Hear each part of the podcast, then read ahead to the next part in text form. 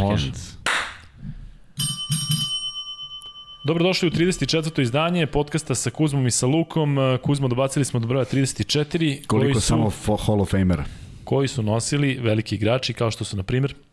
Shaquille O'Neal, Charles Barkley, I spomenuti Xavier McDaniel, e, znao sam da je negde neko iz Sjetla, pobrkao sam sa Sean Kempom. To je ta neka moja McDaniel. generacija, a ti kažeš Ray Allen, Realno, ali, Hakim da. Olajuwon. I naravno. Naravno, Janis Antetokounmpo, Paul Pierce. Dakle, zaboravit ćemo nekog. Šta je Barkley nosio? Elgin Baylor, ste rekao. Pa si rekao Barkley. Nisam rekao Barkley. Rekao yes, rekao si Barkley. Rekao, rekao si. Pa danas mi nešto ne ide. E, Javel McGee. Znaš ko Javel. Ne znam, Šektin Fuli to. E, Tobias Harris od ovih novih igrača, ja volim Tobias Harris zato što onako radi sve kako treba, a uopšte se ne eksponira mnogo. Mnogi ga znaju iz onog e, Bobby i Toby uh, showa. Izvini, onaj Javali je što se sprdaju s njim. Da, i taj, da. što, što uzima titula. Čovjek ima 16 titula, gde god ode uzme titula, oni se sprdaju s njim, bukvalno. Uh, Robert Archibald, recimo. Re, ajde da kažemo Robert Archibald. E, ima dakle još e, jako dobrih igrača koji su nosili ili koji nose i dalje broj 34 Terry Cummings. Terry U, Cummings. imao sam njegovu sliku iz koša 88. Terry Cummings je preminuo. Spars. Ček da imam. Da imamo da li je... Spars da igrao Terry Cummings? Spars? Igrao par, u Portland. U Portland? Jel je jest? Ne? Nešto pa, pa da, Terry Cummings iz Portlanda, kako nije u Portlandu. A mora da igraš negde. E, samo moram da im da li čovjek živi, da ga nisam pomešao sa nekim. Igrao je u Portlandu, igrao je u Milwaukee, igrao je u Golden State na kraju karijere. Terry Cummings, Ne, igra u San Antonio, da, da, bravo. Igra u San Antonio, kako Jeste. nije čovječ. Znam čovjek je živ, kako se zove? A u Milwaukee, da, da. Iz Portlanda čovjek koji je preminuo kad je plakao, uh, Terry Porter, kad je plakao na mm, na konferenciji za štampu, bio, bio vrhunski igrač, bio odličan, bio u takmičenju za kucavanju sve vremeno. Uh, Vanja, ti to nešto ring a bell, ništa, a? Da je igrao u Portlandu, da je imao ta... E, Terry Porter je plakao na konferenciji Jerome Kersey se zove. A, Jerome Kersey, tačno. Jerome Kersey je preminuo nešto odjednom, igrao golf i nešto noga, operacije, ne znam šta je bilo. Ali on je igrao s njima tamo, to i Igrao je i ono, bio ozbiljan igrač, pravi da. igrač. E, dobro, 34-ku smo prošli, sigurno smo zaboravili neke igrače, ali dobro, vi nas podsjetite u komentarima ako... Naravno što ako ima neki evropski, a da ga nismo ovaj, pomenuli. E, Elem, E, ja i Kuzma smo provali nekoliko nedelja zajedno pokušavajući da uđemo na taj Patreon i da ga I instaliramo i ušli smo. Tako da postoji Patreon za vas koji ste nas pitali, bit će u linku below, link below, bit će u linku u opisu um, ovog našeg podcasta, tako da eto, vi koji ste zainteresovani da na taj način podržite ovu produkciju, možete, vi koji ste tražili, pretpostavljam da ste zainteresovani, a mi smo tu ponudili uh, neku kompenzaciju, neke nagrade, ili tako Kuzma, Ima, imamo tri vrste kako ćemo mi vama da se odužimo. Dakle, ta najmanja na Patreonu mesečna je da um, vam mi pošaljemo E, odnosno vi, kako ovaj podsjetim, zaboravio sam. Nemojte podsjetim kad ne znam o čemu pričam. Ne. šta nam je prvo, šta nam je drugo, šta nam je treće? A, treće je bilo da mogu da da budu uključeni u live. To nam je bila ideja ljudi koji žele. Da Tako da je, dakle imamo na Patreonu da. ta najskuplja varijanta, dakle pričate sa nama. Ako nećete da pričate u live-u, u podcastu, što možemo, je opcija, da. možemo da pričamo ovako, da se ispričamo o, o košarkaškim temama, da nam kažete uživo preko Vibera ili već preko čega Zuma, ali preko Vibera najbolje. E, zatim imamo tu drugu varijantu koja je da možete da imate prednost postavljanja pitanja našim gostima, što je jako bitno i recimo za ovo što sledi, što ćemo najaviti sledeće. I treća stvar je da mi snimimo neki klip i da vam pošaljemo kao neku vrstu zahvalnosti i e, pozdrava E, za to što nas podržava. Da. Tako je, dakle, mi vam pošaljemo, ja i Kuzma, nađemo se i pričamo I, malo da. sa vama na taj način. Ali, e, jako je bitno da ćemo u četvrtak imati gosta koga smo sigurno najviše pominjali do sada, sigurno, ja mislim da ne, ne postoji ime koje smo pomenuli više, a to je Dušan Olimpijević, e, koji je iznao jako lepe reči o našem podcastu i mi mu, mi mu se na tome zahvaljujemo, a mi ćemo ga dakle ugostiti u četvrtak u live-u. Dakle, to je plan, četvrtak 21, Imaćemo Dušana Olimpijevića kao gosta u live-u i moći ćete da mu postavljate pitanja, pretpostavljam da će to trajati prilično dugo, Vanja, nemoj da molim te planiraš ništa tamo do petak ujutro ne planira ništa, zato što kada nama stiže uliko pitanja u live-u mogu misliti kako će to izgledati za trenera koji je trenutno e, zaista zaslužio sve lepo što mu se dešava i zvanično najbolji trener Evrokupa, a njegova bursa e, ekipa koja je najveći hit, ja mislim, na svim e, košarkaškim frontovima ove sezone. Tako da, e, Dušan Olimpijević u četvrtak, A sada, naravno, kreće priča o, o e, košarki, košarci u regionu sa akcentom na Zvezdi i Partizanu. Uskoro pričamo o toj seriji, o tom vojstvu Zvezde 2-0, ali imamo da pozdravimo e, još nekoga. Naravno, naše prijatelji iz Max Beta koji su tu sa nama i koji su nam prvi sponzor, a imaćemo ih mnogo, dobijamo silne neke ponude, tako da vidjet ćemo.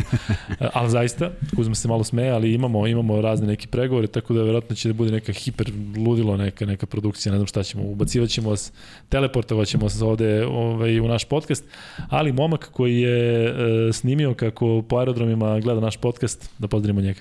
Joj, da, nisam se da, spremio. Dakle, imamo, imamo Čekaj sekund, dečka koji je, koji je objasnit ću o čemu se radi. Dakle, mi volimo kada tako pokažete e, da nas pratite, e, da ste tako redovni, da volite ono što radimo, da volite na taj način da učestvujete u svemu i dakle, momak koji je na tri različita aerodroma pratio podcast na tim Wi-Fi-evima e, aerodromskim, sad će Kuzma to da pročita njegovo tražim, ime. Tražim ja i dalje. Pričaj nešto. Dakle, pa viš da pričam, ne možeš više pričati o vidu. Nikola Jovanović. Nikola, Nikola Jovanović je poslao fantastične snimke ovaj, sa aerodroma i gde nastavlja podcaste kako sleti negde, on tako ovaj, nastavi tamo gde je stao. I, I nešto je krenuo iz Sofije, pa Beč, da, pa, pa je Beograd, stao negde pa i da. gde god sleti, on da. nastavlja tamo gde je stao. Tako, tako. da divno je što ovaj, ljudi gledaju to i pored onog momka Igora iz uh, Poštara Antarktik. iz Zagreba. I imamo onog imamo, pingvinca. Da, da, da. da. Divne su to stvari, mi stvarno Jest. to volimo da vidimo, dakle, da čujemo, zato što nam to zaista mnogo znači da na taj, na, da na, na taj način smo dopli do nekoga da, da je toliko ovaj, uh, da kažem, pasionirani ljubitelj ovoga što, što pričamo, ne nas kao nas, nego košarke i onome o čemu govorimo iz podcasta u podcast. Elem, Kuzma, Zvezda Partizan 2-0. Uh, ajde prvo da, pošto nismo u prošlom podcastu smo pričali o seriji, najavili smo je, jako je možda prva utakmica daleko, da prvo odvojimo to da pričamo o tome. Zvezda je otvorila ovu seriju jako dobro jednom rutinskom pobedom, što je najbolje moguće za, za, za ekipu koja je domaća, koji ima prednost domaćih terena, zato što u nastavak serije ulaziš sa mnogo samopoznanja kada jedan meč dobiješ tako lako. Nije baš bilo toliko lako da je Zvezda otišla na 30, toga, da. ali recimo u odnosu na drugi meč, da. tih 90-76 na kraju nekako delo da kad god je Partizan probao da priđe, da je Zvezda imala odgovor i kažem na kraju i po razlici ubedljiva pobeda. Uh, rutinski deluje po rezultatu, a mislim da je Zvezda uložila mnogo napora da do toga dođe, naročito u drugom polovremenu koje je bilo potpuno drugačije od prvog. Uh, polovreme se završilo trojkom Ivanovića za 42 poena, onda je Zvezda dala još 48, što dovoljno govori o nekom napadačkom potencijalu. Međutim, e, sam početak utakmice i ta neka druga četvrtina gde je Partizan otišao na šest razlike uz dva, tri otvorena šuta koja nisu završila u košu i u stvari negde dala e, tu, tu šansu Zvezdi da ne ode u minusu na polovremenu i naprotiv čak onom trojkom Ivanovića koji se koji je preporodio Zvezdu i dao zaista u tom jednom periodu vrlo važne poene i na neki način, ne na neki način, na mnogo načina bio igrač utakmice, a, dovoljno govori o snazi koju je Zvezda imala. Da te podsjetim, pratili smo Euroligu tokom cele godine i ja se ne sjećam pet dvocifrenih igrača u Zvezdi, a, jedan je razlog što su igrali na malo poena, a Tako drugi je. razlog je što je uvek nekako mnogo toga zavisilo od Kalenića, koji je tu utakmicu iz hiljadu razloga odigrao na jednom drugačijem nivou, u smislu radio je sve ono što treba, nije ga hteo šut, nije ga posle ni forsirao, ali to je dalo mogućnosti onome što Zvezda ima da a, postignu, da pet igrača postigne više od 10 poena. A, s druge strane, Partizan se bazirao na onome što posjeduje. To je jedan individualni kvalitet i to je nešto o čemu smo pričali tokom cele sezone. Nikako nisu dostigli moment E, timske igre. E, nagoveštaj dobar je bio treća utakmica protiv budućnosti gde su zaista bili za klasu bolji, ali vidiš kako to izgleda kada se nekako e, posveti odbrana određenim igračima, pa Panter ne može da igra svoju igru, Ledej odlična prva utakmica, koliko koliko to dovodi do jedne do jednog traženja rešenja koje nije na koje ekipa nije navikla. U Zvezdi se ipak te stvari znaju i posledica toga je nije bolji loši, nego prosto jedna uigranost, jedna jedna višegodišnja saradnja tih igrača da se tačno zna ko šta radi. Ono što mi je upalo u oko bilo je potpuno sad nema veze sa sportom, nego eto nema veze sa sportom, nema veze sa igračima. Ovaj bilo je bilo je to što što deo folklora je navijenje. I stvarno je bilo nekih nerazumnih uh, momenata kad upadaju predmeti i kada se skandira šta se skandira, ali mi je interesantno da je da su sudije reagovale kada su počele njima da viču pukali je reagovao na lopovi lopovi. Nekako mi je to najbezazlenije, pošto ako, ako nemaš taj osjećaj, prosto nastavljaš da sudiš. Odjednom isprazniće se hala zbog lopovi lopovi još bojao sam se da ne počnu viču, sudija nema pišu, pa da stvarno izbace ovaj, sve, da izbace e, sve. Iz... Ti kažem, izgleda da postoji ta sueta nekad kod trenera. Davor Kus kada je um, sudio na utakmici Crvena zvezda Cibona i sada priđe mi za mikrofonom i kaže, ajde reci im da ne vređaju. Ali je, mislim da sam pominjao to, to je bila utakmica kada je otvoreno minutom ćutanja za Jelovca. I on mi kaže kao ajde brzo to da bude. Ja mu kažem čekaj ne može. Da, zašto je bilo brzo? Da. da. I, uh, ja, I on uzme i svira kraj, u smislu, trebalo bi ja da kažem da je, da je kraj, on uzme i svira da je kraj, nema problema, ali ista ta situacija, dakle, veđi, vređuju uh, igrače Cibone sporadično da. i onda Davora Kusa onda vređi, reakcija, i on priđe da. i kaže, ajde recim da ne vređuju. Ja, pošto sam lud i kažem ti uvek, uvek kada tako neko nastupi, ja uzmem i kažem, molim vas, nemojte vređati igrače Cibone. I on tu poludi. Pa I njega krenu da vređaju još više. I kažem ti, ta utakmica Zvezda je to dobila rutinski, ali nekako da li je to, da li je, ajde da kažem, njihova obaveza da možda zaštite sebe, da li postoje neki pravilnici ili je to samo lično?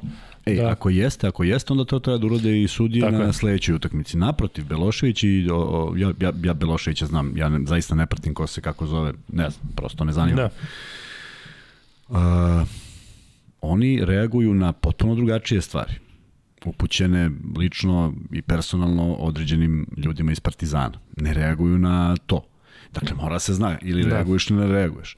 Zato što onda postoje individualno, znači, ko ti neko opsuje majku, a tebi ti Tako si sad ovo ideš zoveš tražiš. Dakle, tu treba, tu treba zaista naći šta je, šta je uzrok. Ja mislim da ni jedno ni drugo ne treba da bude prilagođeno, ali mi lopovi, lopovi deluje bezazlenije nego, nego neko direktno vređanje. A onda se desio paradoks juče, uh, na drugoj utakmici koja je bila mnogo, ne mogu kažem mnogo interesantnija, bila je zaista jedna uzbudljiva utakmica gde je Partizan uspeo posle dugo, dugo vremena da preokrene i vrati to neko vodstvo koje imao samo na početku utakmice.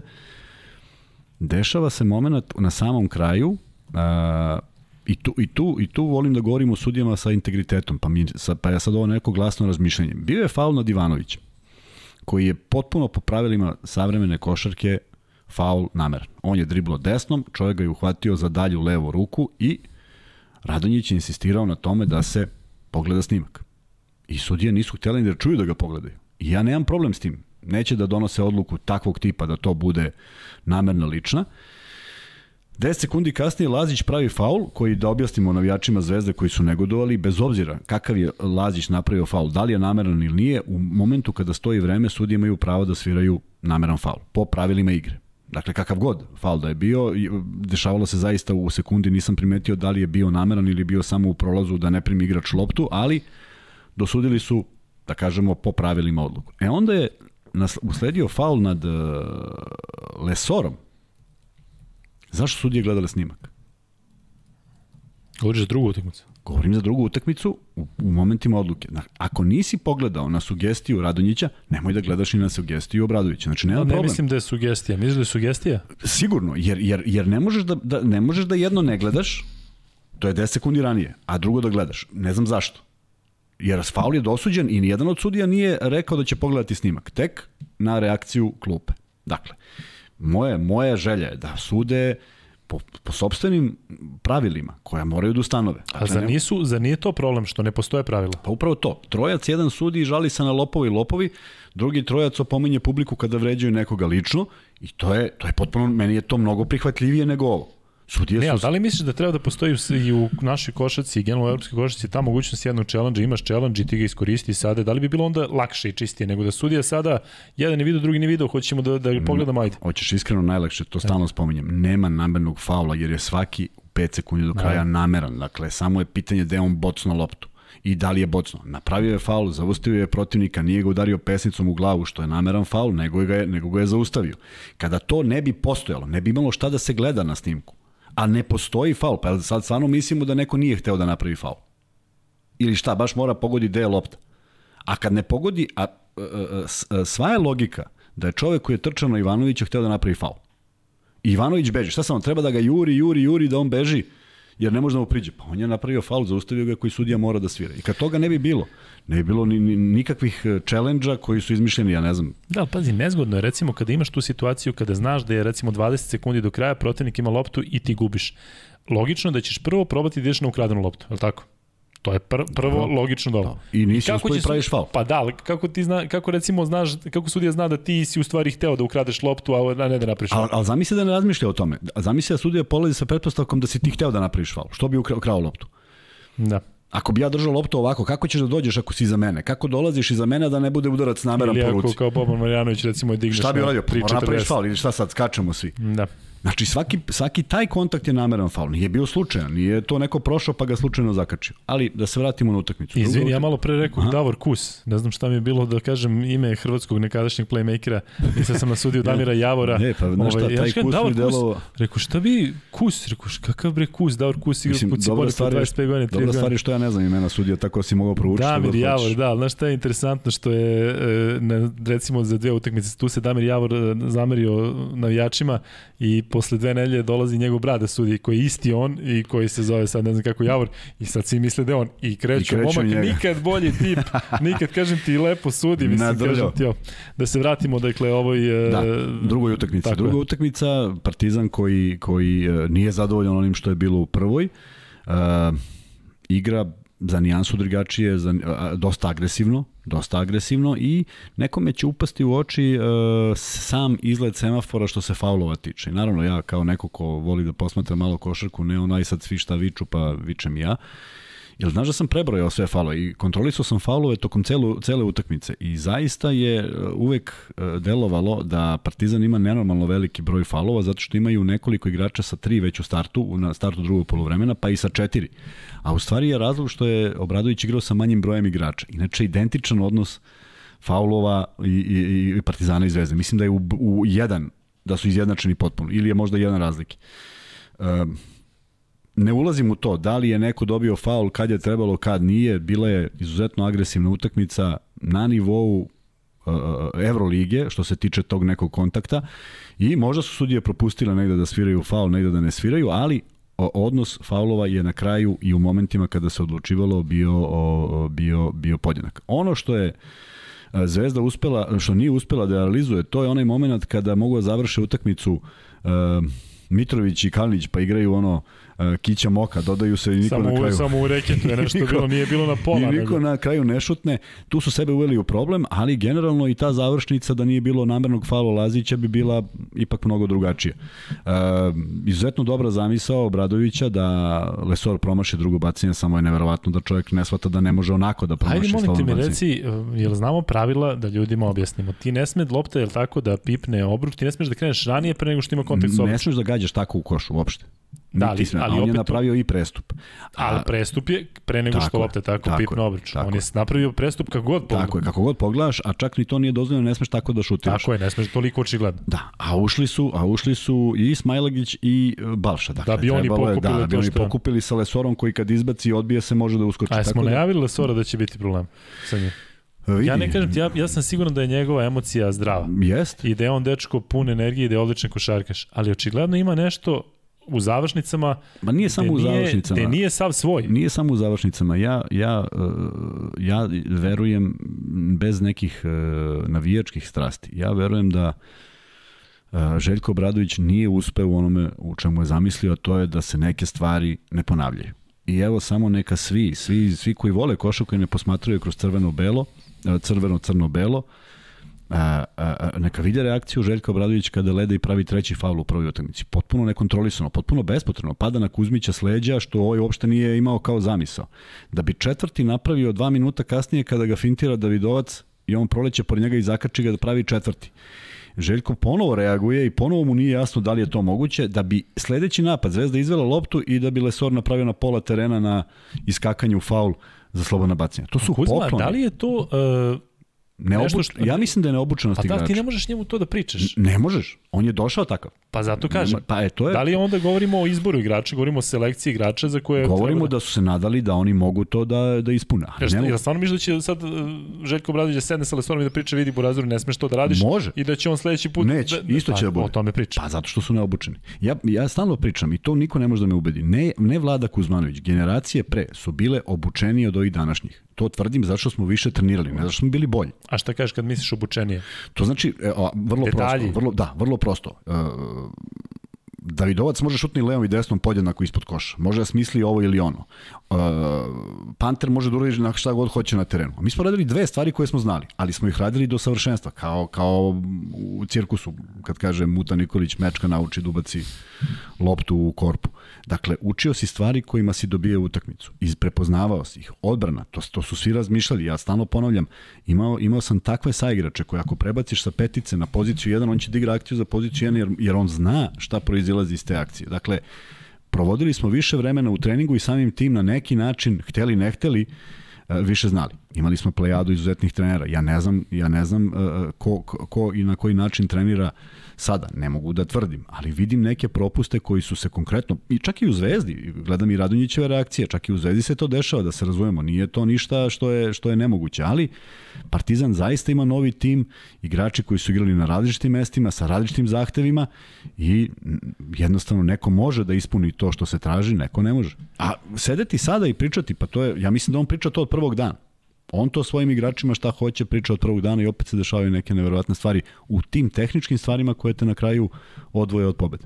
Ajde pojedinačno malo da pričamo o, o te prve dve utakmice, odnosno učinku nekih igrača. Da li te iznenadilo to što Koprivica uopšte nije igrao u tom uh, drugom meču, nego što je ušao već na taj skok i proveo neki 10 sekundi na parketu? Nije. Nije me iznenadilo, sad ću ti reći zbog čega. Zato što je Koprivica momak koji obećava mnogo, koji je napredovao možda najviše, koji sigurno najviše sluša ovo što mu, što mu Obradović priča, jer imati bolju učitelja nije nešto realno trenutno u Evropi.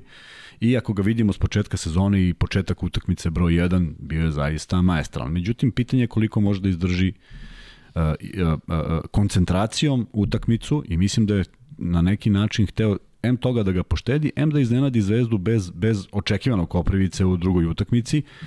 Uh, u krajnjem slučaju Kuzmić imao četiri penala, pa je on igrao, pa je to omogućilo i Obradoviću da igra sa niskom petorkom, tako da videli smo neke petorke koje nikad nisu igrale zajedno, a videli smo na primjer da na jučerašnjoj utakmici nije bilo Vajta. To je odluka trenera i kada se pobedi ne moraš nikom da objašnjavaš okay. zašto se to desilo ili nije. Ali ono što upada u oči je ono o čemu pričamo opet cele godine, a to je uh, način na koji Partizan igra, način na koji Zvezda igra. I pogledaj jedan moment, opet pričam za ljubljenicima i verujem našim gledalcima koji to posmatraju na, na, na košarkaški način, na, iz košarkaškog ugla.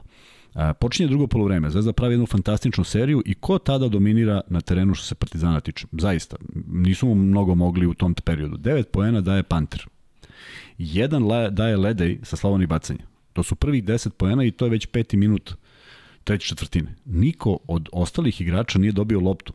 Nije, nije osetio loptu. Nije šutnuo. Nije, kako to misliš da u 37 minutu kad je dobije posle određenog perioda uzme i onako sa puno samopouzdanja da. Nije to tako lako. O, ogledalo se u tome što je Zvezda imala 24 asistencija, Partizan svega 8. Jer, jer, jer to je u stvari ta najveća razlika. To je najveća razlika. Pogledaj koliko je drugačije, koliko je juče drugačije bilo. Drugačije, mnogo drugačije, mnogo drugačije igra Partizana, lopta je išla, protok lopte i uspeli su da budu konkurentniji nego u prvoj utakmici. Naravno, a, a, ja očekujem da oni budu maksimalno spremni za treću utakmicu, ali tu treću utakmicu igraju pod određenom, određenim pritiskom, bez obzira koliko će imati navijača, jer videli smo da je taj, taj spektakl bio najavljen i protiv Burse, pa pa nije pa je izostao uspeh, tako da ova utakmica je za njih u sredu biti ili ne biti.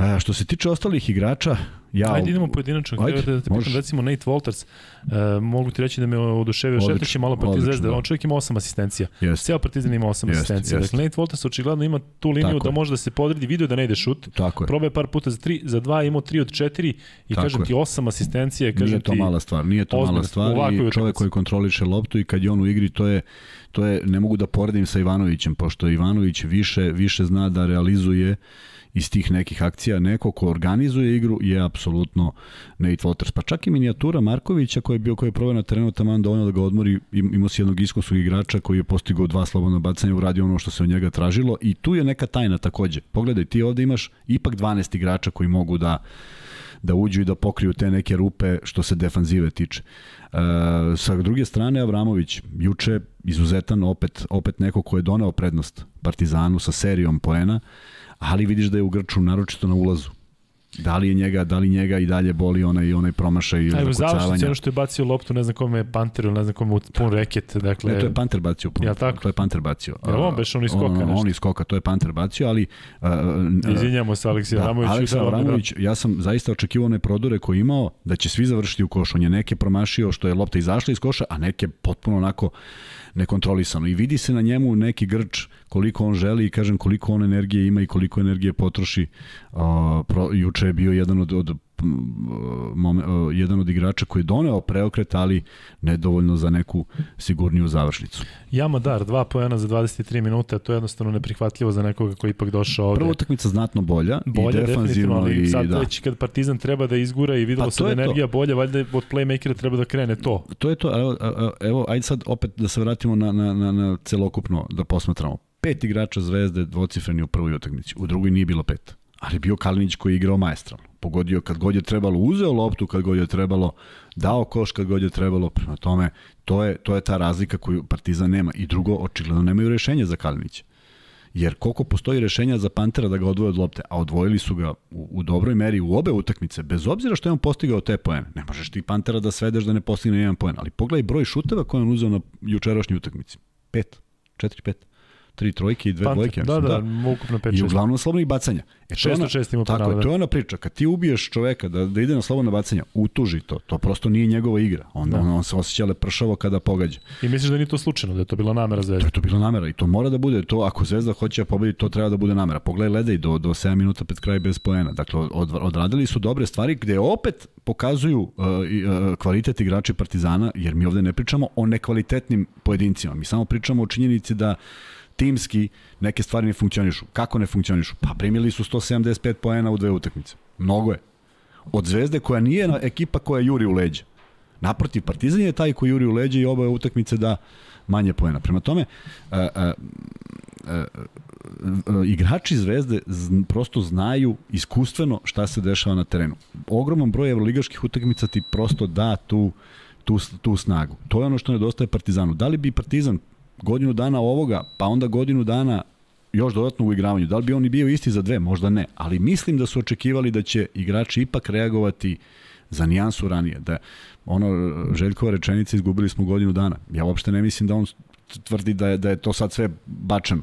Ali nije se uradilo ono što je što se iskreno nadao da će biti, a to je da ekipa dobije fizionomiju, da se zna ko šta kako, još uvek puno rupa, pogledaj ti koliko je Zvezda izrešetala, ja znam da je Lesor imao četiri penala, ali prosto oni poeni sa sve zakucavanjem koje diže publiku i diže celu ekipu uh, Holinsa, prosto te razbijete, ima, ima fenom, ja ne znam ko je gospodin iz Partizana koji se uhvatio za glavu na snimku tom skraćenom, ali tačno, osvojio si loptu i prodao si je, tačno u ruke. Ključni moment Holmes, to ključni moment, tako. Dižeš navijače koji e, su ipak malo pali tako, posle još jedan, ključ, još jedan ključni moment, to je, to je ono što ja volim da vidim.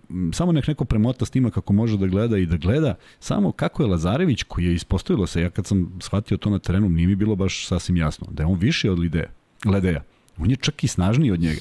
On je bio pored njega apsolutno koliko god je bilo potrebno. I onaj skok kada on negde na, na onom lomljenju rezultata skoči sa dve ruke i 4 metra u vis skoči skin loptu. E to su, to je ta energija koju posjeduje igrač koji zna kakvo mu je mesto. Dakle, on ne pati za ona dva promašena šuta, niti će on njima da razmišlja. Uzu ih jer je bilo normalno da ih uzme. Ali ovo su momenti koje on svojom odbranom, svojim skokom uzeo je vrlo bitnu loptu u prvom poluvremenu preko ledeja, preko njegove glave iščupa loptu Zvezde dala koš. Dakle, to su, to su finese koje donose na kraju rezultat i kažem, podjednako energiju ima Partizan, ali ne, ne, možda ne svih igrača, manjeg broja igrača, a neki potpuno imaju samo ulogu igranja uh, u napadu.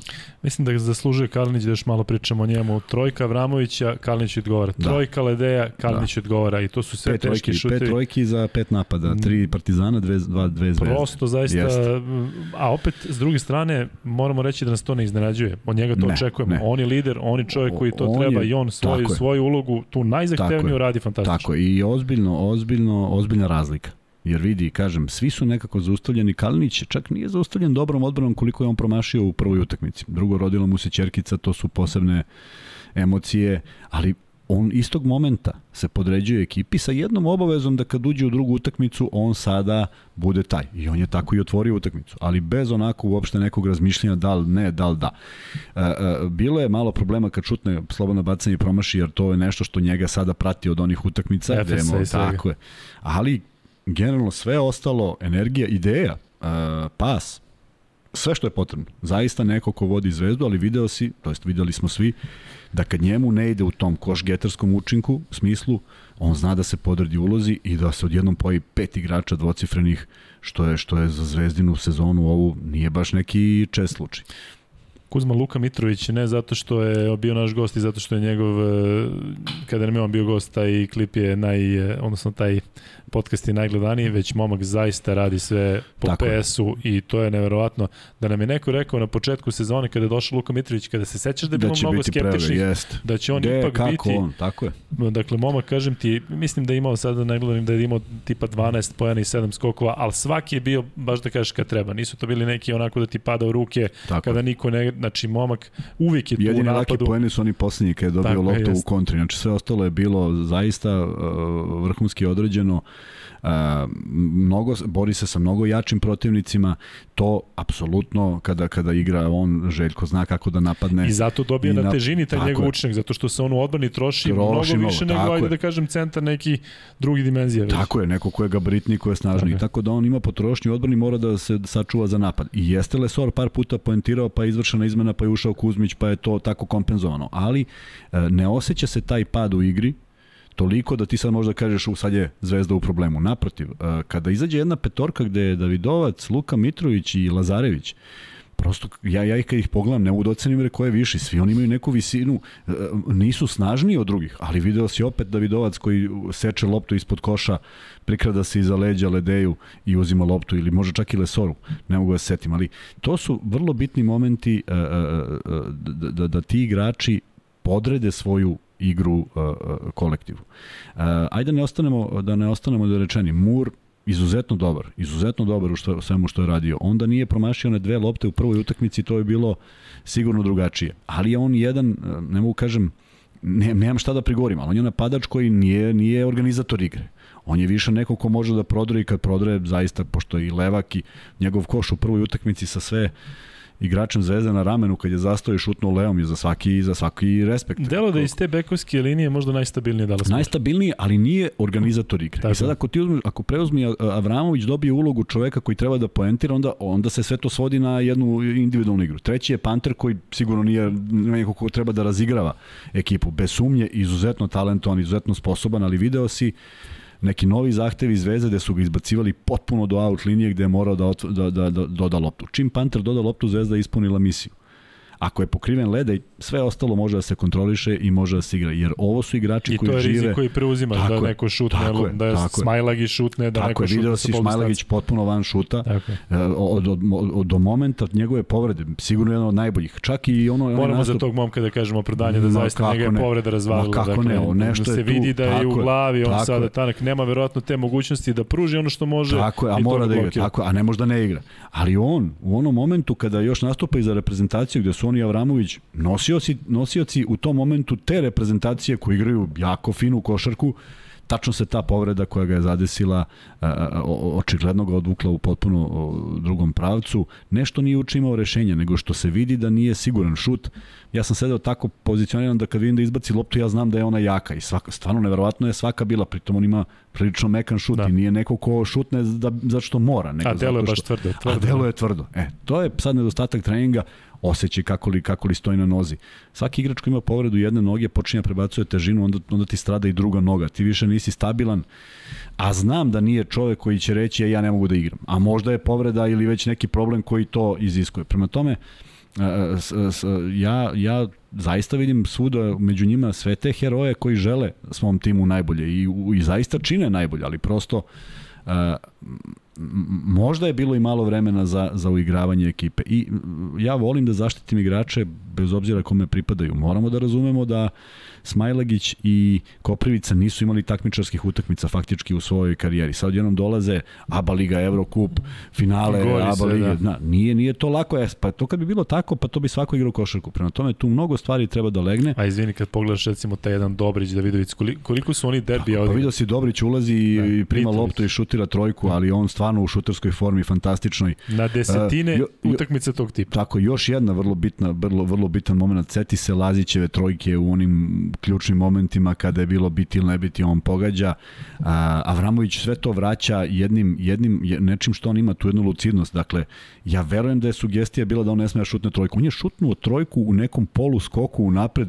Fantastično, treba to smisliti, uzeti takav šut i još pogoditi. Tako da ne reaguje na uvrede, potpuno pokušao da ostane zdrave glave koliko god je to moguće. I ja negde želim da verujem da se sva ta buka nekako ne prenosi na igrača ako su, ako su pravi. Ako ti čuješ šta ti neko priča, pa to stvarno nije, nije, lako, nije lako igrati.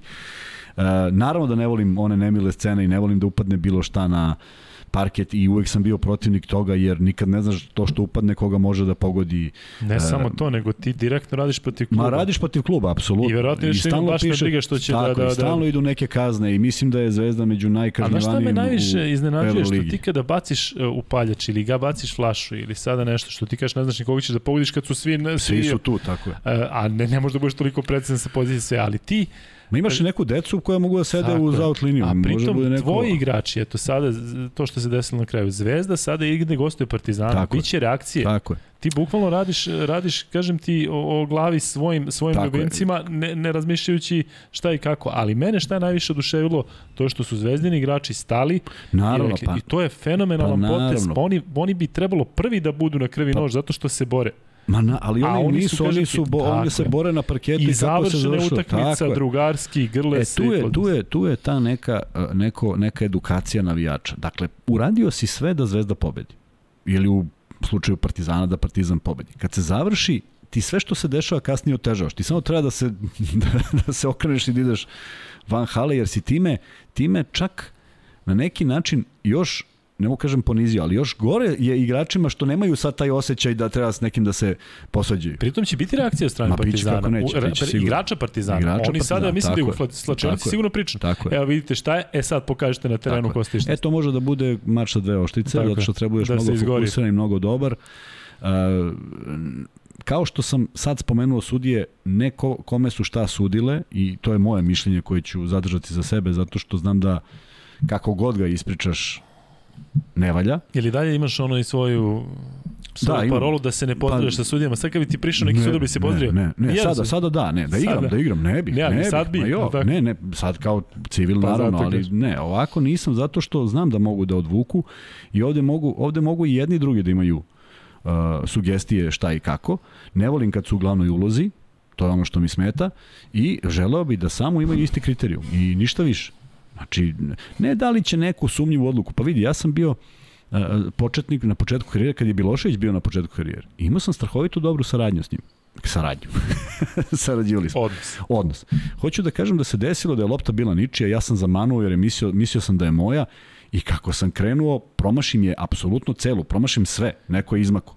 I on svira faul. Ja pogledam kome i on pokaže meni. I ja, daj mi kameru, i ja uradim, znaš, Sam dobro pokazao. Daj mu kameru, je. Bila je kamera. Donesi mu kameru, donesi mu kameru. Pokažem da, da, da nema veze, on me pogleda i klimne glavom, ja samo uradim ovo.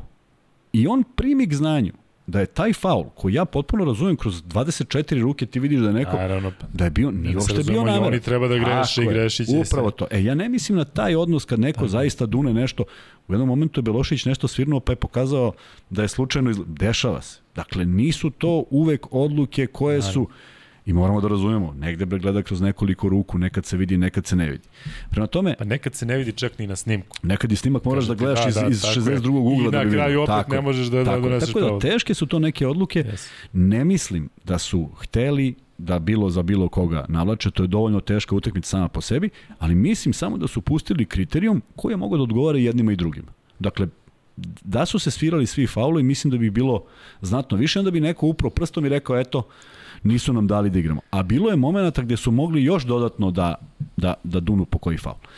Uh, ne znam ko je delegiran za treću utakmicu, a to ja kad pročitam Delegir, delegirani su, ja, ja stvarno želim da verujem i igrao sam tako da, da prosto ne mogu da verujem da će oni da, da odluče. A u mnogo navrata, u mojoj karijeri, u tom BFC-u su odlučivali, što je, što je žalosno. I zato sam istekao takav odnos. Mislim da je drugačije vreme, da je tada ipak bilo tako, suđenje sad ja, tako, ja, i, i da si imao neke instrukcije šta tako, da radiš, a sada mislim da su ja greške da- ljudske, da, tako plus ovi, ova, ova pravila koja su bušna sama po sebi, pa se ni same sudije ne snalaze pa. Ja, ja i Kuzma kada pričamo o sudijama, ne kritikujemo ih zato što mislimo da su oni potplaćeni, ne, ne. nego jednostavno mislimo da, da neke stvari... Moraš bi... neke stvari da uvedeš da, da se svi ponašaju isto, ne da bude proizvoljnost, da sudija ljuca kojeg svi ljubitelji košarke znaju, on je na, na, na vređanje jednog mog saigrača u Subotici ispraznio tribinu, a ne na vređanje sudija, nego na vređanje igrača. Dakle, imaš ti mehanizme da kažeš, e, ovo nećemo tolerisati, ali onda svi ne tolerišu.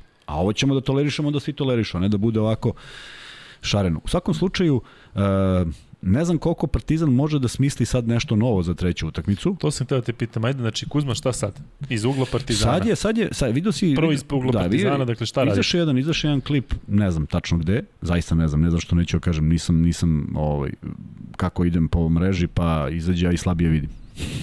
tako da mogu, mogu da potvrdim ja da je tako. Ti znaš da je slabije. Ovaj, vrlo kratke izjave su bile, bili su Mur i bili su i bio je Panter. Izgubili smo, moramo pobedimo, Ovaj kaže da ćemo sve od sebe, to je jedna utakmica, ovo je nama, Muri rekao je nama sedma utakmica, to je poslednja utakmica, jer ako izgubiš, mnogo je sve teže, tako da sad nervoza prelazi na stranu Partizana. Zvezda ne može da igra opušteno, protiv Partizana se nikad ne igra opušteno i ni jedna utakmica se ne igra opušteno, zato što se obično desi što se desi, a to je da, da taj koji se opusti i izgubi utakmicu ne verujem da postoje neke nove petorke koje nismo videli. Videli smo zaista sve. Najšarolikije, ko je s kim igrao, možda i na treningu nisu igrali zajedno, to su bila neka iznenađenja, pa se tačno videlo kad ko ulazi, ko koga čuva. Dakle, e, u tom segmentu mislim da neće biti sad nekih velikih iznenađenja. Može da bude niža petorka, možda bude viša petorka, ali e, ponavljam, da je Partizan realizovao svoj odličan napad, odličan idejno odličan napad u, u, prvoj, u prvom poluvremenu prve utakmice, pitanje je da li bi to bilo 14 razlike za zvezdu. Možda bi bila klackalica, ali sigurno bi bilo neizvesnije.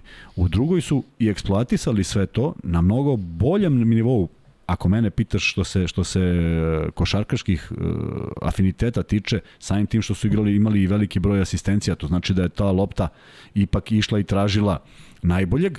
E sad, koliko će to biti dovoljno e, i da li će biti dovoljno i da li će biti nervozan igračima Partizana posle dva vezana promašaja pa da, iz, da, da, iz, iz, da, da iznedri nešto što je kontraproduktivno, to ćemo da vidimo. Ono što znam, to je da Zvezda ovakvih utakmica u ovom sastavu, čak ovi igrači igrala mnogo više i znaju kako da se ponašaju u tom i to je u stvari najveća tajna ono, onoga o čemu pričamo. Nijednog trenutka a gledao sam, znaš, gledam, gledam grimase, gledam kako ko reaguje. Na preokret Partizana nisam video dramu kod Kalinića. On je, on je nastavio da igra. Nisam video da su, kad su se skupili njih petorica na terenu, da su unezvereni i pitaju se šta sad. Jer... Toga nije bilo ni protiv CDVite kad god se sećaš ono serije, 13-0-9, 13, ni u jednom trenutku, dakle, tu bilo panike, traži se time out, pa malo da se da saberemo. Se omora, saberu. Ali što ti kažeš da neko raskolači oči tipa, ne, uv, je, ne, sad niko sad... mi nije delovalo šta ćemo da. sad. E, to je vrlo bitno, zato što mi kad kažemo ima samo još dva minuta. Sad u savremenoj košaci dva minuta je znači. 24 poena u najavi. Prema tome, sve je moguće u ta dva minuta i, i vidim da nije bilo panike jer imaju odnos e, drugačiji, ne moraju da strahuju, ne moraju da žure, mogu da odigraju dugi napad, veruju u svoje mogućnosti i videli smo prilično dobra rešenja u samoj završnici što se Zvezde tiče, jer nekako znaju i procene na koga, na koga se igra i šta. Video si da Davidovac par puta je ostao sa Madarom, uopšte nije tražio loptu, nije šutirao do, do, do tog momenta. Zašto bi on sada morao da ulazi u neki problem? Pa je ušao Spustio se dole, izazvao udvajanje, lopta došla gore i realizovali su prilično lako. Prema tome, čitati odbranu je, čitanje odbrane i taj neki stav je ipak prednost Zvezde iz razloga što su igrali veliki broj ovih utakmica. Svaka, svaka protiv Partizana je ekvivalent Euroligaškoj utakmici. svaka Partizanova u ovoj sezoni još uvek nije ekvivalent uh, uh, uh, utakmici protiv Zvezde i to je nešto što je tako, ne zato što ja volim ili ne volim, nego zato što je to činjenica prosto je činjenica. I ja sam i bio ubeđen i ja mislim da Partizan igra bolje nego s početka sezone, to je potpuno normalno, ali da nisu dostigli onaj nivo koji je bio željen, koji bi dao još veću konkurentnost, gde bi Partizan koristio ne individualne karakteristike igrača, nego njihove karakteristike u svojstvu ekipe, pa tražiti najbolju poziciju. Mnogo šuteva je bilo na individualni kvalitet preko čoveka, pogađali su i to je za, svako, za svaku pohvalu. Ali da li to može da dovede do triumfa? Kad smo najavljivali utakmicu, sećaš da sam rekao, moment inspiracije je vrlo bitan. Može dobiješ jednu utakmicu na, na, na neko kao što je Avramović odigrao, Tako kao što ga je uhvatilo sad ovu utakmicu. To je jedan moment inspiracije gde on nije od kuda dolazi, bam, bam, bam, i zaista si u problemu ako on tako nastavi. Ali onda se uzme time out, pa je onda on izolovan od lopte, napravi jednu grešku i već je problem, jer on ima taj pritisak da to mora da bude. U Zvezdi još uvek, ne još uvek, u Zvezdi zbog sklopa kakvi su, tog pritiska nema. Um, da dozvolim sebi, nije ovo neka vrsta prognoze, ali mislim da će Partizanu biti jako teško da doveže tri utakmice protiv Crvene zvezde i sada, e, ako pogledamo recimo nazad, pogledao sam baš Zvezda na posljednjih 11 utakmica dobila je 9, računajući i onaj kraj Evrolige, U tom periodu su pobedili Efes, pa su pobedili sve. Izgubili su dve. Jednu od Cedevita u produžetku i jednu od Žalgirisa u produžetku. Da. Zvezda u ovom trenutku nije ekipa koju ti možeš dobiješ lako. Tako. A da je dobiješ tri puta za redom, Tako je. sam znaš koliko je teško dobiti jednu ekipu dobro Tako. dva puta za redom. Partizan ima prednost domaćih terena i ja očekujem da Partizan možda e, ima reakciju i da dobije ovaj treći meč. Ne bi me začudilo. Zato što mislim da možda nije pravi odnos između Zvezde i Partizana da Zvezda dobije 3-0. Mislim da to nije pravi odnos da, snaga. slažem se. U, u, kada pogledaš imena ovde, i imena ovde. Tako. Ali sad pričamo o tome da oni nemaju pravo na grešku. Zvezda na neki način može sebi da dozvoli luft. Ne verujem da će želeti da dozvoli luft. Sigurno Žele da završe ovo. Uh, naravno da prednost i samim činjenicom što je domaći teren i što posjeduje kvalitetne igrače u ovom slučaju dajem Partizanu za tu treću utakmicu. Od treće ćemo vidjeti kako se stvari odvijaju, ali uh, uh, uh, lošije otvaranje utakmice i loša, loš ritam utakmice će više pogoditi Partizan nego Zvezdu. Iz prostog razloga što je ta, ta biti ili ne biti. Zvezdi nije. I, uh, za, uh, nema, nema razlike, pričamo o Željko Bradoviću, ne znam, ne znam koju utakmicu nije odigrao, ali ovdje ipak igraju igrači koji nisu, nisu renome Željka Obradovića. I on kad ima one ekipe kojima je harava po Evropi, to su isto bili igrači koji su bili nalik zvezdi, igrali su nenormalan broj utakmica i, i zato su... svakoj svojoj ekipu ima 3-4 genijalca, tako super. Tako, dakle, govorimo tako, o onim ekstra talentovanim igračima, genija, genijalcima koji igraju u Euroligu i ne znam šta. Ovde toga nema. Ovde ima, tu si imao plejadu igrača koji su želi da idu gde god on ide ili da dok je on trener da oni budu tu. Tako. Dakle, to su neka, neka, neka uzajamno, ovaj, neki uzajamni odnos koji je donosio rezultat. Sada on može da nacrta šta god hoćeš, ali to može i da se ne desi na terenu. Dakle, ipak imaš nekoga ko proizvodi to na terenu a, a, dovoljno kvalitetno ili manje kvalitetno.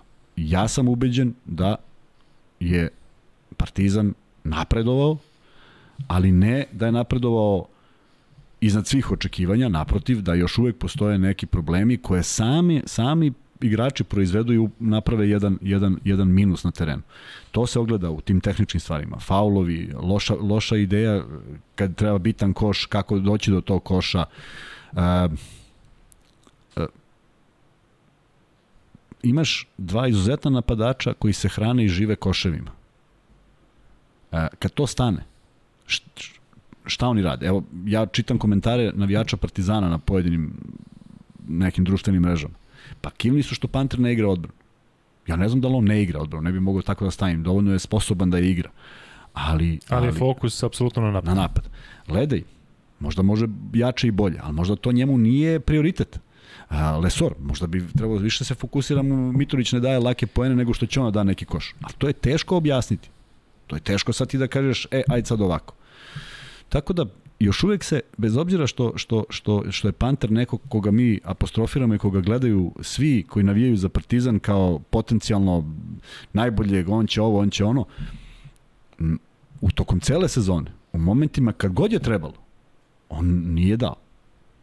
Ne zato što ja njega volim ili ne volim. Prvo igrao u Zvezdi, meni se dopao kao neko ko je bio dovoljno bezobrazan i sposoban da uzima te duge dvojke što ja volim On u Partizanu apsolutno to radi. A gde su oni momenti gde je on ključni igrač te utakmice? Bilo je toga na početku sezone u tim mečima posle kojeg imaš Juventud i sve, tako ali je. posle toga e, onda se desilo što jedno, je bitnija utakmica. Tako je, onda se desilo jedno pitanje i kaže pa kako da igram kad me stalno udvajaju? Pa mislim, ti si taj kojeg udvajaju, tu, tu težinu moraš da nosiš, mora da se nađe da rešenje. Trebalo bi asistencija, e, upravo to, baš zbog toga. Upravo to.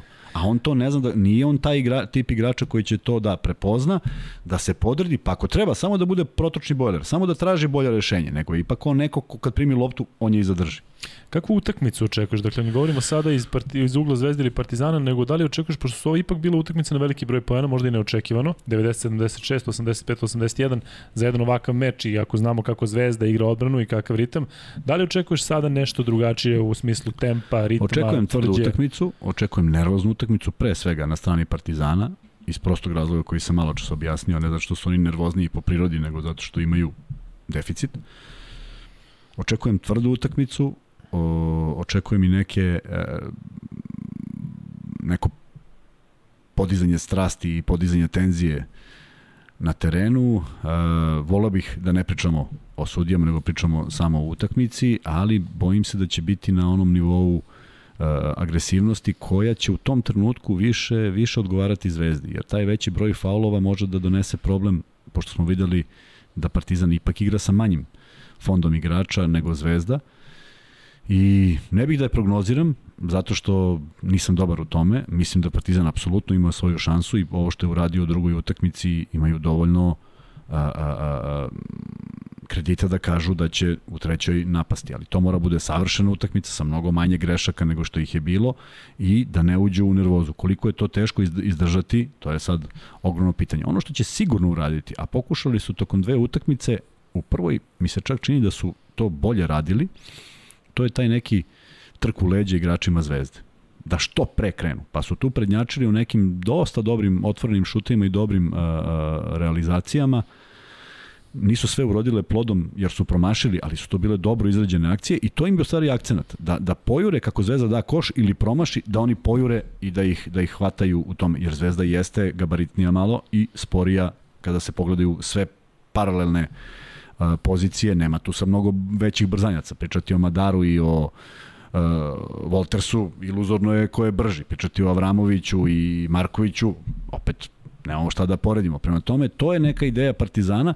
E sad, ono što je interesantno da je u takvoj igri Zvezda odgovorila sa 90 i 85 poena što je fenomenalno kada pitaš igrače Zvezda i pogledaš kakav su učinak imali u kojim procentima, u prilično ozbiljnim procentima i ono što je bilo za Zvezdu vrlo bitno, mnogo bolji uh, mnogo bolje izvođenje penala u drugoj utakmici. Prema tome, oni, ako, oni ako budu držali ritam igre, onda su šanse u Zvezdi. Partizan mora da nametne taj ritam, mora da nađe neke poene iz tranzicije ako žele da prežive do četvrte utakmice.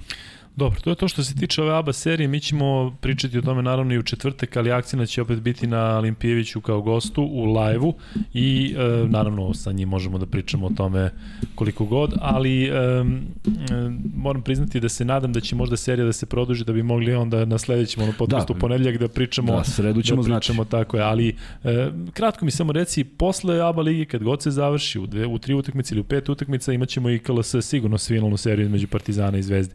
Da li očekuješ da malo splasnu tenzije ne, i neka... Ne, onda će zavisiti tek... od ovoga, tek onda. Ja mislim da, na, na, nažalost, mislim da to ne može da splasne.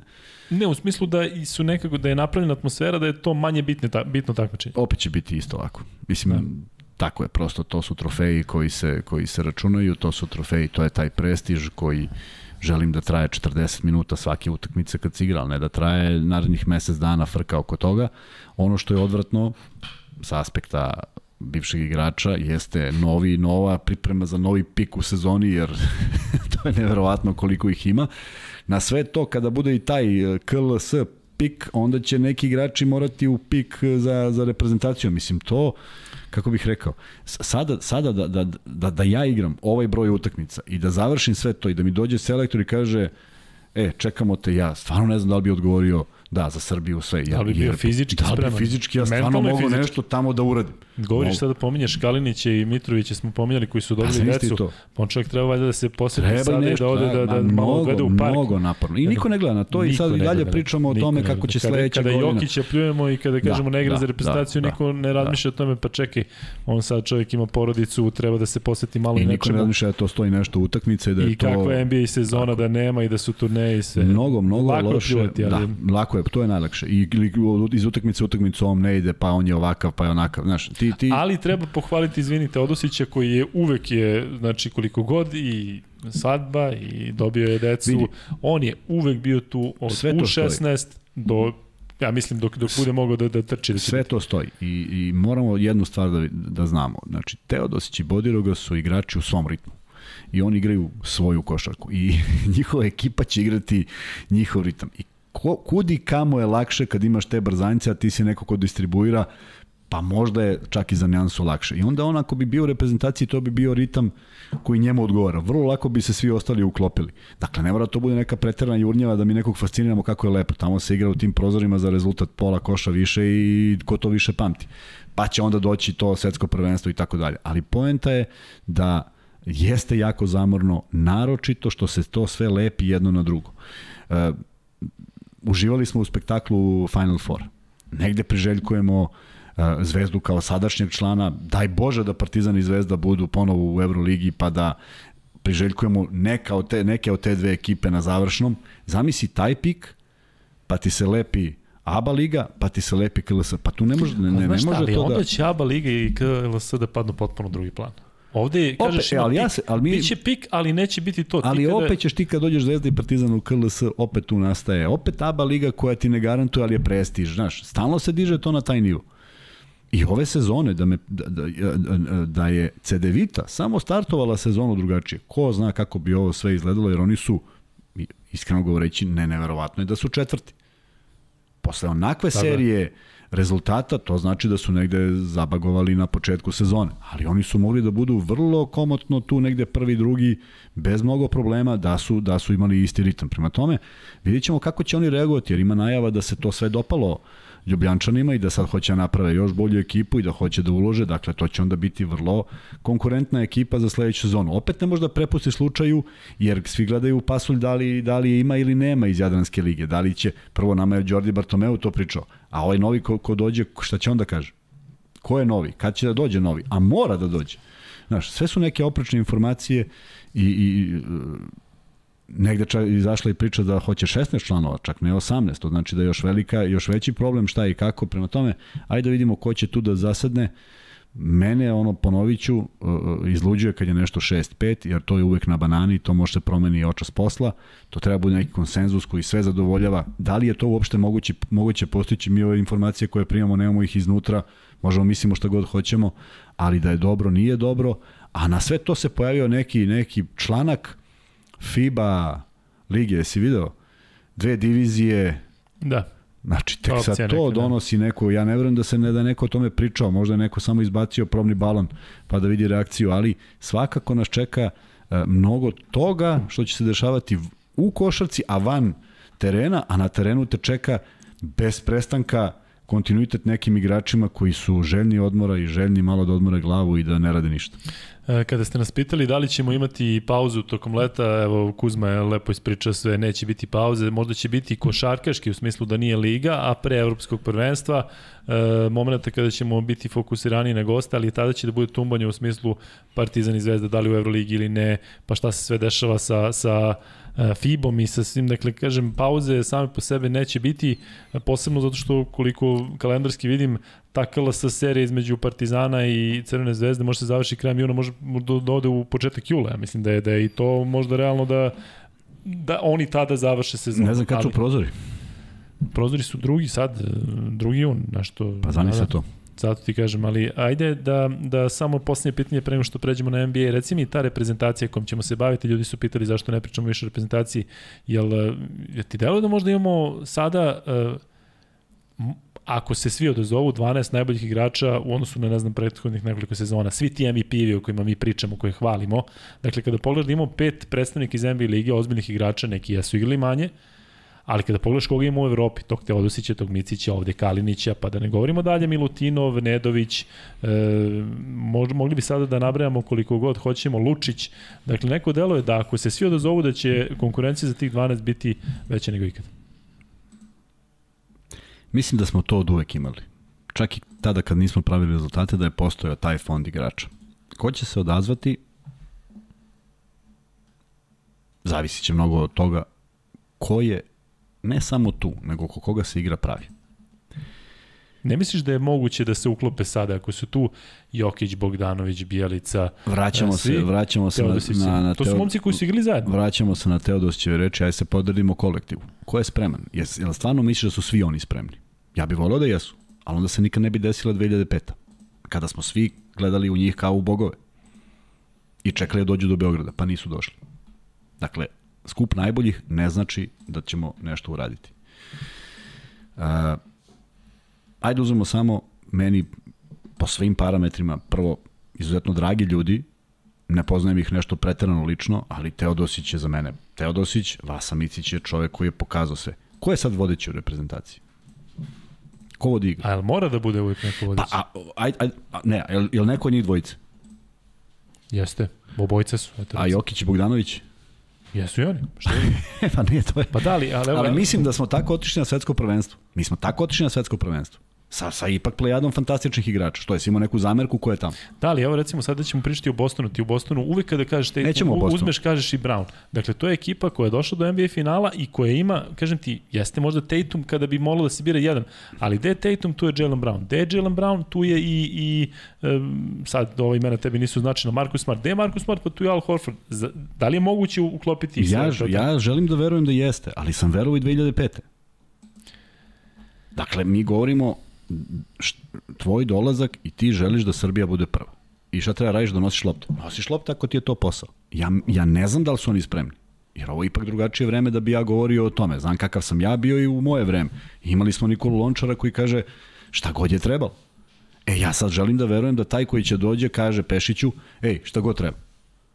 I zašto Pešić apostrofira Kalinića? Pa ja mislim samo iz jednog razloga. Ne zašto je zaljubljen u njega kako ova igra, iako igra majestralno. I ne mislim da misli da je najbolji od svih koje je ikad video. Ali on će čovjek da radi šta ko treba.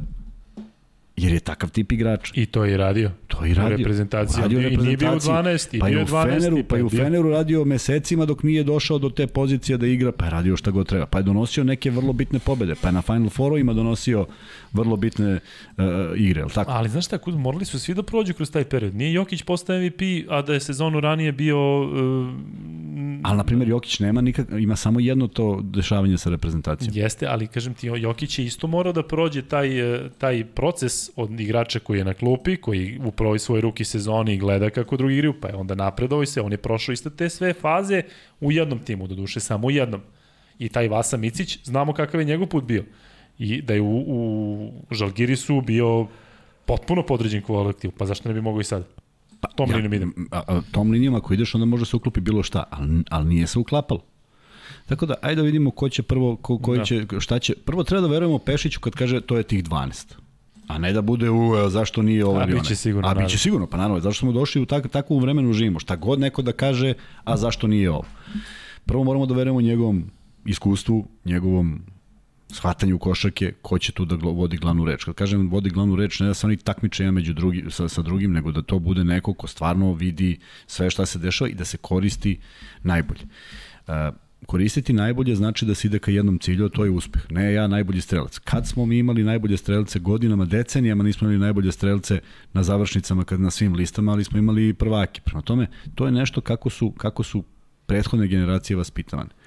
Čini mi se da ove sada malo drugačije gledaju. Uh, razumem odnos prema reprezentaciji, jer opet je Lončar pričao, samo su tako mogli da te vide nisi bio poznat baš širo javnosti 91.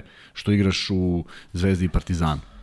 Pa je Partizan napravio bum sa osvajanjem e, kupa šampiona, pa su se iz te generacije mnogi pojavili u reprezentaciji, pa kaže Lončar, pa ja kad sam se pojavio u Realu, pa to je bilo za mene neverovatno. Ko je čuo za nekog igrača osim njega? Nije, jer si se pojavio tu. Prema tome, sad se to izgubilo. Sad i ne moraš da igraš u reprezentaciji da bi zaigrao u NBA, što je na moju veliku žalost jedina ambicija a, mladih, preskaču nešto što se zove Euroliga, preskaču nešto što jeste košarka i ja sam duboko ubeđen da ima veći broj onih koji bi na anonimnu anketu potpisali da li da budu među 12 narednih 6 godina u NBA ili da igraju Euroligu da bi izabrali ovo prvo, što je za mene, za mene lično poražavajuće. Dobro Kuzma, hvala na ovom delu. Pričat ćemo mnogo naravno i o Partizanu i Zvezdi i o reprezentaciji. Nećeš ne pitaš za NBA, nećeš. Pa pisam te pitao pa si rekao da Markus Smart ne valja ništa. Si rekao nemoj da me pitaš za NBA. Rekao si nemoj da me pitaš za NBA. Rekao sam, pusti NBA. Nećem se tog momenta. Pušti NBA, tako da se okrećemo sad Meni je drago što je Boston pobedio. Eto, i, i toliko, toliko od mene. e, Vanja, e, sedma utakmica, e, Boston breakom završava seriju i ide u finale protiv Golden State-a, mada pretpostavljam da to već svi vi znate. Uh, Jimmy Butler, fantastičan, u celoj seriji fenomenalan, ali očigledno nedovoljno da bi da bi da bi Miami Kako da bi Miami izvukao sam. Kako je odigrao poslednji? Koliko je dao? 40? U poslednjoj? U poslednjoj 35. 35, 35 a, 24 u prvom. A, pritom, u, mislim u jednom trenutku da je Miami imao 44 poena, Butler je dao 24. Da, da. Dakle, fenomenalno je povukao, ali nije imao, ajde da kažem, podršku. Mada Adebayo je igrao dobro i Lauri je isto u onoj seriji. Štrus je pogodio, Međutim, Boston, Boston ipak e, na kraju, pa možemo reći da je sve vreme ih je držao na distanci. Pa bio je Boston 10, bolje. Da, da, bio je bolje, bolje u sedam meču, definitivno kad mašeš kao Miami otvorene šutevi i ba, Adebayo omaši i Zicer otvoren u trećoj četvrtini, tu je bilo prelomna tačka. Tu ih je Boston slomio. Posle su ovi vratili i ja uopšte nemam problem sa Butlerom što je šutno poslednji šut. Niko Apsolutno zasluženo, najbolji Meni igrač. Meni je car što je uopšte šutno i treba da šutno. I rekao ide na pobedu i tako i treba. I nije bilo ni blizu, I šta da radiš? Ali to je to nedostatak snage, sada je neko očekivao da će on probiti i ne znam ko je to bio dal Tatum, na njemu nije ni važno i da bude end one nima snage za to više. Jeste, pa znaš koliko je imao, 48 minuta. Ali kakvi prodori, svaki prodor, ono kada ideš da, da. snimak iz nekog kontakta sa zadrškom i sve. Um, ajde da pređemo na, na to da li Boston ima šanse u finalu protiv Golden State. Apsolutno ima. Misliš? Pa kako je poslednji tim ima? Zašto ovo što ti sad pričao, svi igraju timski. Da, zna se ko je glavni. Tatum, pa Brown, pa Smart, pa Horford ali su i zapravo timu Tako. se uh, raspodelili da tako bude. Tim je prvi, timska odbrana kome krene uglavnom Brownu ili Tatumu, tako će biti. Moram priznati da sam oduševljen Markusom Smartom. Dakle, njegovom odbranom, dakle, momak, kažem ti, deluje mi, a kada ga poredim sa Draymondom Greenom zbog odbrane, deluje mi da je isti takav gad, ali da je pošten. Znači, bila je ono, o, bila ona situacija kada ga pogodila lopta i kada je izašla u aut, oni mogu tu da se žale, ali video, znači, ne, izašla je lopta, njihova je lopta, neću ja sad tu da dram, drugo pogodio onu jako bitnu trojku, pogodio dva bacanja na 98-96, dakle, dva bacanja koje su možda ključna. Sazreo. Da, tako je, dakle, kažem ti, meni, meni je smart potpuni hit. Um, ajde samo mi prokomentariši još uh, taj uh, fantastičan potez uh, pretpostavljam da si video Tatuma da nosi 24-ku. Pa, za idola, pa da. Kakaca. Pa to. I setio se, malo ko se setio, kažem ti, i pazi, pritom totalno ono ljubičasto odstupa da, od zelenog belog i da. svega. Tako da kažem, e, zaista za sve pohvale za Tatuma. I on je šut što je pogodio Tatum iz auta kada je dobio loptu na Butleru i to je preseklo seriju Majamija. Tako je. Tako to je. zaustavilo tu kao da, da kažem talas Majamija, taj šut sa pol distance, vrlo, vrlo slično Bryantu i to je ono na kraju odredilo.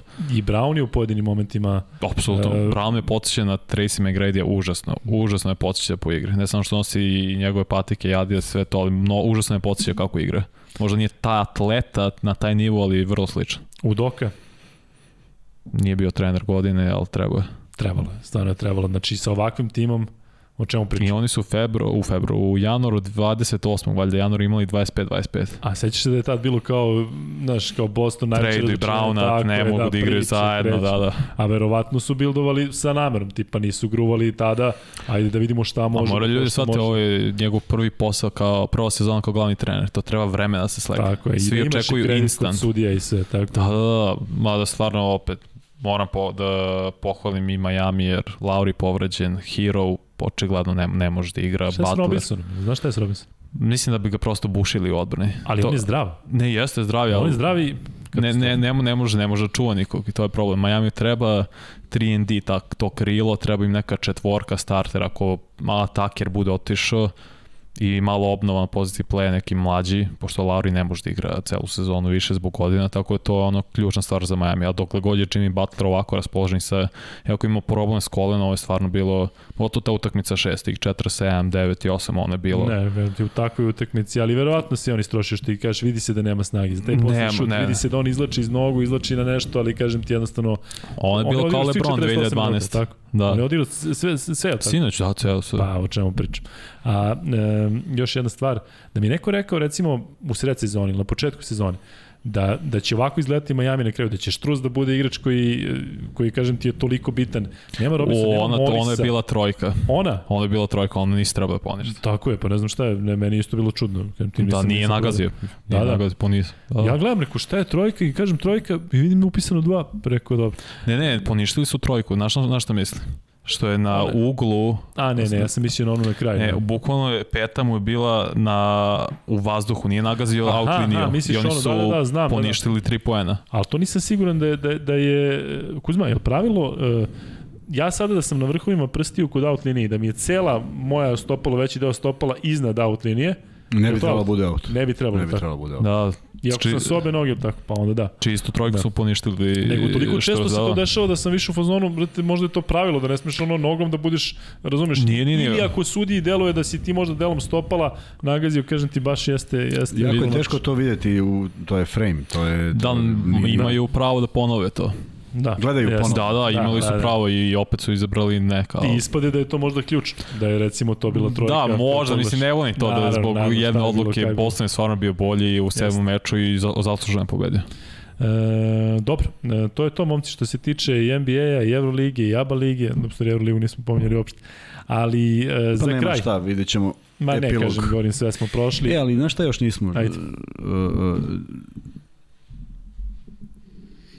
Šta si zamislio? Pa ne, zaborio sam. Ovaj, da, kada radimo, kada radimo ponedeljkom i kada je snimak, mi smo prošli put postavili neka pitanja na koje niko nije odgovorio iz ne znam kog razloga. Dakle, uh, za max betove, za free betove. Za free da. betove, tako da sad nismo to uradili da bi vam objasnili da kada napravimo emisiju, slobodno se javite, e sad ne, ne, ograničavamo samo ljude na, na Instagram, možda nemaju svi Instagram, ali onda neka puste na mail ili, ili gde god, samo mail da... Mail imate, da, kada tako. govorimo o onim ID-ima. Danas nećemo pustiti te free betove, eto čuvamo za, za, tako je, za četvrtak. Tako je. Nekoliko stvari, dakle, u četvrtak imamo dogovor, Limpivić je opet ispod car, on je poslao Kuzmi poruku nešto u, rano ujutru, ne znam, u neku, neke sitne sate, da je dogovor, da treba, javio se on, zaista momak, čak me ne iznenađuje to, ako ga pratite kakav je na terenu, zaista deluje da je car i ovako, i e, dogovor je da imamo u četvrtak njega u live-u od 21 sat. E, to je prva stvar. Vi koji ste tražili Patreon, dakle imamo Patreon, možete nas naći na samom Patreonu Luka i Kuzma, tako, a možete videti taj link e, koji je u opisu e, podcasta i imat ćemo taj link isto i na našem Instagramu. Javite se na Instagramu, Luka i Kuzma, javite se na me, Gmailu. Luka i Kuzma, sve je Luka i Kuzma. Sve je Luka i Kuzma. Uvek, sve ću promenim u Kuzma i Luka. Ne, to je tako sad otišlo u etar i gotovo. da, primilo se među narodom. E, u svakom slučaju, e, četvrtak će biti jako zanimljiv. Kažem, Alimpijević uživo, uživat ćemo mi, uživat ćete verovatno i vi. Drago nam je ako nam se dopala ova 34 i vidimo se u 35-ici.